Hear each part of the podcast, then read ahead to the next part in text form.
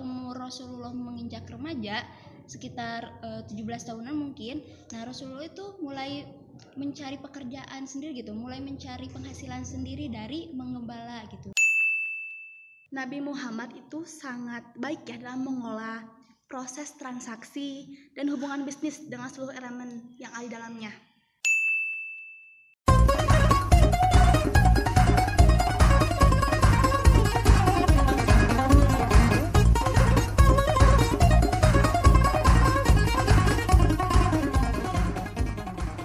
Assalamualaikum warahmatullahi wabarakatuh. Kembali lagi bersama saya uh, Irham di podcast Tanya Sejarah. Tanya, gali, hadirkan solusi.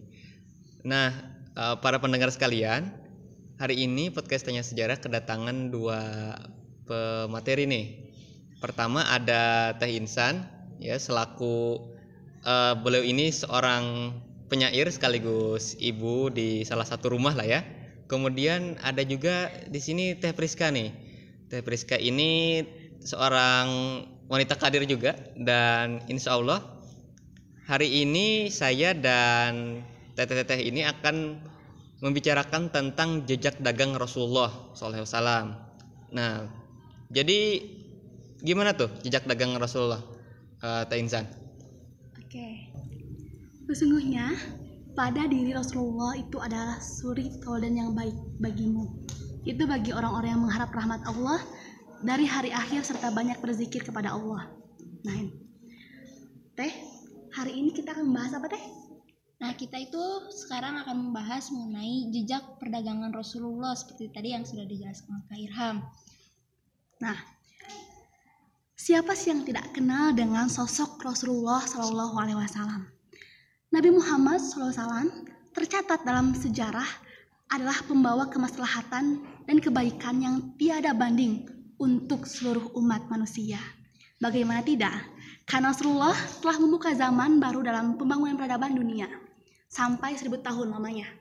Nah, sejarah Rasulullah ini sudah banyak dibahas oleh para ilmuwan, sejarawan, muslim maupun barat. Tapi kadang yang luput dari perhatian itu Rasulullah itu sebagai pembisnis yang ulung, Kang. Oh iya iya iya. Nah, surat Priska ini akan membahas bagaimana sih teh, bagaimana menjadi sosok Nabi Muhammad itu menjadi pembisnis yang ulung itu dari mana sebenarnya? Ya. Uh, Oke gini ya.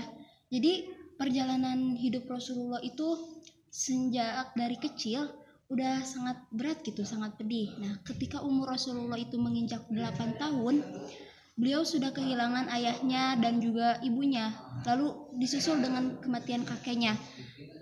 Dan kemudian Rasulullah itu diasuh oleh pamannya yaitu Abu Talib. Nah, meski Abu Talib ini terkenal sebagai seorang yang berpengaruh gitu di, di masyarakat Quraisy, tapi beliau termasuk orang yang sederhana gitu. Beliau masih uh, bekerja sebagai pedagang. Nah, Rasulullah ini um, membantu Abu Talib untuk berdagang. Seperti yang dikatakan oleh Syafiur Rahman Al-Mubarakpuri dalam Sirah Nabawiyah bahwa ketika umur 12 tahun beliau pergi berdagang ke Syam bersama pamannya. Untuk perjalanan pertama kalinya ini ia menempuh jarak sampai 12.000 km loh teh. Wow jauh sekali ya teh. Iya bisa dibayangkan oleh kita jarak sejauh itu ditempuh oleh anak yang baru berusia 12 tahun. Wah. Jauh bandingnya dengan perbandingan dengan anak zaman sekarang. Oh, anak zaman sekarang ngapain emang teh? main games kebanyakannya gitu. Iya iya iya. Kakinya nggak kuat kalau gitu ya. iya. Uh, selanjutnya nih uh, Teh Priska ya tadi. Kita udah berbicara tentang uh, pengalaman Rasul tadi. Beliau berdagang ke Syam. ke Syam dan juga punya pengalaman menggembala ya. ya Iya. Nah ketika umur Rasulullah menginjak remaja sekitar eh, 17 tahunan mungkin nah Rasulullah itu mulai mencari pekerjaan sendiri gitu mulai mencari penghasilan sendiri dari menggembala gitu dari menggembala eh, kambing-kambing yang dimiliki oleh Bani Sa'ad Hmm iya iya iya iya. Jadi uh, Rasul itu menggembala kambing orang gitu maksudnya. iya Hmm. bukan kambing sendiri kambing orang lain Oh iya pekerja berarti ya bukan pemilik modal gitu iya kan. bukan Heeh. Eh, selanjutnya eh, Rasul itu berarti tadi udah melakukan perjalanan ke mana aja tuh? Berapa kali tuh? Nah, Rasul itu eh, menurut catatan sejarah gitu ya, Rasul itu sudah melakukan perjalanan perdagangan selama enam kali ke Syam atau Suriah, terus ke Bahrain, Yordania, dan juga ke Yaman. Dalam semua lawatan bisnisnya itu, Nabi Muhammad selalu mendapatkan kesuksesan besar dan tidak pernah mendapatkan kerugian. Oh, luar biasa ya. Jadi di sini Rasulullah itu sudah melakukan perjalanan eh, ke luar negeri ya untuk berbisnis seperti dikatakan Teh Priska tadi. Para pendengar ya, tolong dengerin. Eh, habis itu rahasianya apa ini sehingga bisa eh, mendapatkan keuntungan yang berlimpah dan tidak mendapat kerugian. Nah, ini pertanyaannya buat Teh Insan nih. Bagaimana tuh eh, bisa jadi kayak gitu? Apa rahasia Rasulullah? Nah, ternyata nih teh, Kang, Nabi Muhammad sendiri punya pola manajemen. Manajemen. Iya.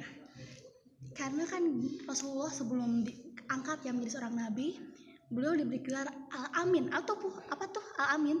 Apa apa apa apa? Al-Amin.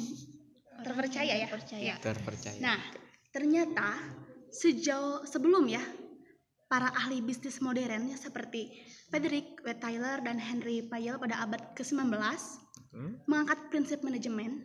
Nah, sebagai sebuah disiplin ilmu, ternyata Ternyata. Rasulullah itu telah mengimplementasikan nilai-nilai manajemen modern ya dalam kehidupan dan praktek bisnis yang ada.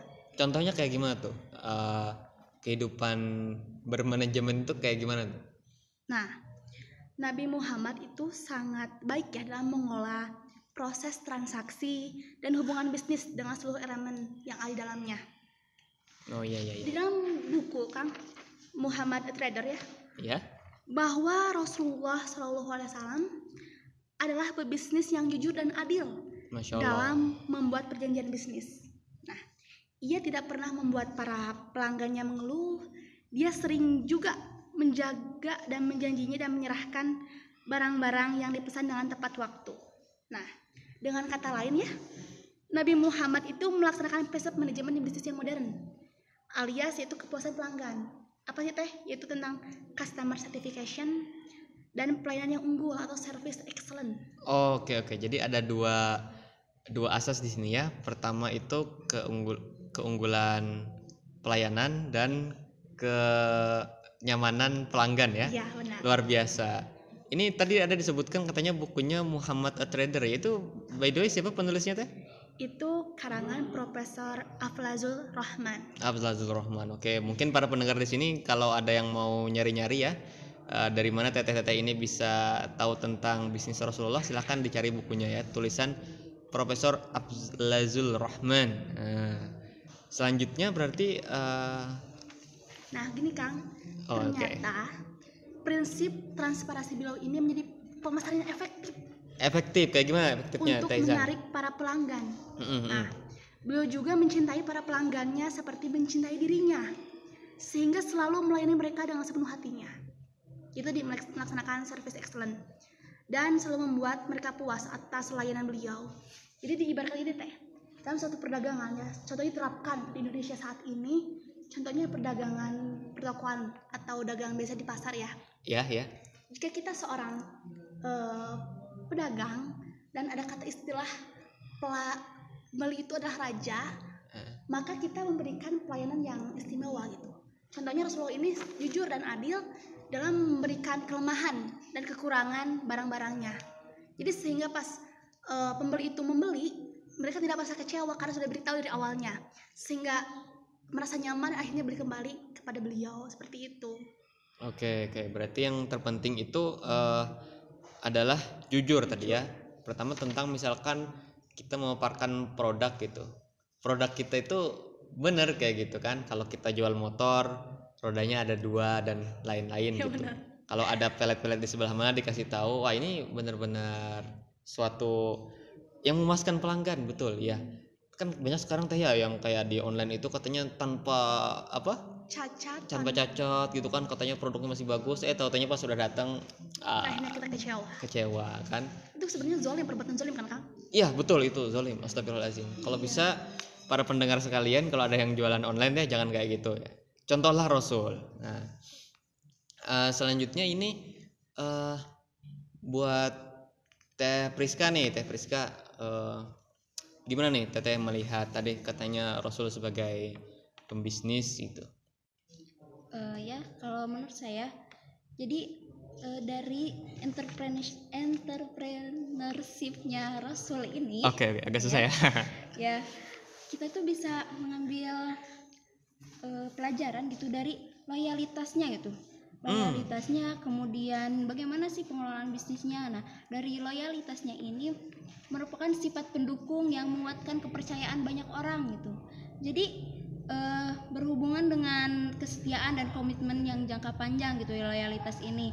Muhammad SAW menunjukkan loyalitas yang tinggi kepada pamannya baik kepada pamannya maupun ke kepada eh, siapa? Para pelanggannya. Oke. Ya, ya, ya, ya. Jadi di sini poin selanjutnya adalah tentang loyalitas nih para pendengar. Jadi eh, Rasul itu loyal, bersikap ramah, bersikap all out gitu terhadap eh, pertama pamannya selaku pemodal di sini ya. Terus juga kepada pelanggan juga luar biasa. Harap para pendengar eh, bisa mempraktikkan ini di rumah masing-masing ya, di bisnisnya masing-masing. Eh, selanjutnya buat Teh Insan yaitu gimana pandangan Teh Insan? Gini nih Kang ya, kalau menurut pandangan saya, jika alangkah gitu, Angka? Indonesia bisa menerapkan sistem pola manajemen yang diterapkan oleh Rasulullah, mungkin kita akan mendapat keunggulan ya sembada ekonomi. Swasembada. Iya, memang sudah banyak ya eh, apa sistem ekonomi yang dianut oleh Indonesia saat ini. Mereka lebih mengiblat ke barat ya. Eh, Contohnya? contohnya kayak sistem bea cukai, Mm-mm. sistem ekspor impor gitu. Yang Indonesia itu swasembada pangan yang punya hasilnya, tapi kita malah impor. Contohnya beras ke Thailand, Vietnam. Itu ada apa dari Indonesia sendiri? Iya, iya. Karena Indonesia tidak bisa mem- mempola atau manajemen dan pengembangan eh, perdagangan pertanian bahkan apa gitu dari hasil bumi itu sendiri. Jadi contohnya contoh kecil solusi yang dapat kita rasakan ketika kita eh, menjadikan Rasulullah sebagai teladan itu contoh kecil perdagangan dari kita sendiri dari mulai dari kita sendiri dan akhirnya Ya. orang lain pun dapat mengikuti gitu kan Amin. Iya, jadi kata Teh Insan ya para pendengar ya eh, tentang bisnis Rasul ini mulai dong dari diri sendiri gitu ketika berbisnis jadi orang yang amanah, jadi yang terpercaya, jadi orang yang loyal. Nanti insya Allah eh, akan tersebar pula kepada eh, kolega-kolega dan teman-teman sekalian, eh, teman-teman dari para pendengar sekalian gitu. Eh, luar biasa teteh-teteh sekalian ya. Eh, tadi kita udah belajar tentang manajemen Rasul, kemudian juga pengalaman hidup Rasul tadi ya yang katanya eh, apa perih gitu ya dari kecilnya kemudian sampai bisa cari rezeki di usia masih muda dan seterusnya gitu. eh ada lagi yang mau disampaikan ini sama teteh-teteh ini kita masih pakai kita baru 10 menit lah ya. Jadi gini teman-teman, sungguh amat luar biasa dapat sukses di usia muda. Salah satu kunci kesuksesan itu adalah kejujuran. Oke. Kalau kita bisa sukses di usia muda, buat apa menunggu usia tua? Karena kita merupakan seorang pemuda dan merupakan agen of change, agen perubahan yang menentukan arah masa depan dan maju mundurnya sebuah peradaban. Di situlah ada peran pe- pemuda di dalamnya. Kita menjadi seorang pemeran, bukan lagi duduk atau diam. Kalau kita diam, jangan aku seorang pemuda. Iya, para pendengar boleh tepuk tangan ya. Mohon maaf kalau kita di sini nggak tepuk tangan. Luar biasa ya eh, tadi eh, suara Teh Insan gitu tentang pemuda yang harus eh, mengikuti Rasulullah. Mungkin di sini para pendengar juga ada yang masih muda dan sudah berbisnis jualan apa pun itu, jualan doodle atau jualan mie ayam, jualan sepatu boleh juga. Jangan lupa gitu ya. Sebagai pemuda jangan diam saja. Contoh Rasul dong. Yang benar sekali. Kalau begitu selanjutnya nih kalau dari kalau dari eh, Teh Priska ada sepatah dua patah kata lagi yang mau ditambahkan silakan. Nah ya berdasarkan pemaparan barusan bakat dapat kita simpulkan bahwa konsep dasar eh, perdagangan yang ditinjau dari kehidupan Rasulullah ini dibangun atas dasar integritas, loyalitas, profesionalitas dan spiritualitas. luar biasa Iya, itu tadi kesimpulannya ya dari Teh Priska bahwa eh, itulah nilai-nilai yang Rasul terapkan dalam berdagang gitu ya. Mm-mm, sangat luar biasa sekali. Saya saya dan para pemateri harapkan semoga para pendengar bisa menerapkan ini dalam keseharian dan dalam usahanya masing-masing. Amin. Amin. Alhamdulillah. Eh, demikian ya. Kita berpisah sampai sini eh, tentang podcast tanya sejarah tentang jejak dagang Rasulullah SAW. Jangan lupa terus patengin eh, podcast tanya sejarah. Tunggu episode selanjutnya tentang mahligai cinta Rasulullah SAW.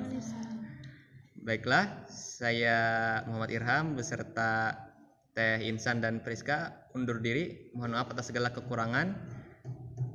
Ketemu lagi di podcast Tanya Sejarah.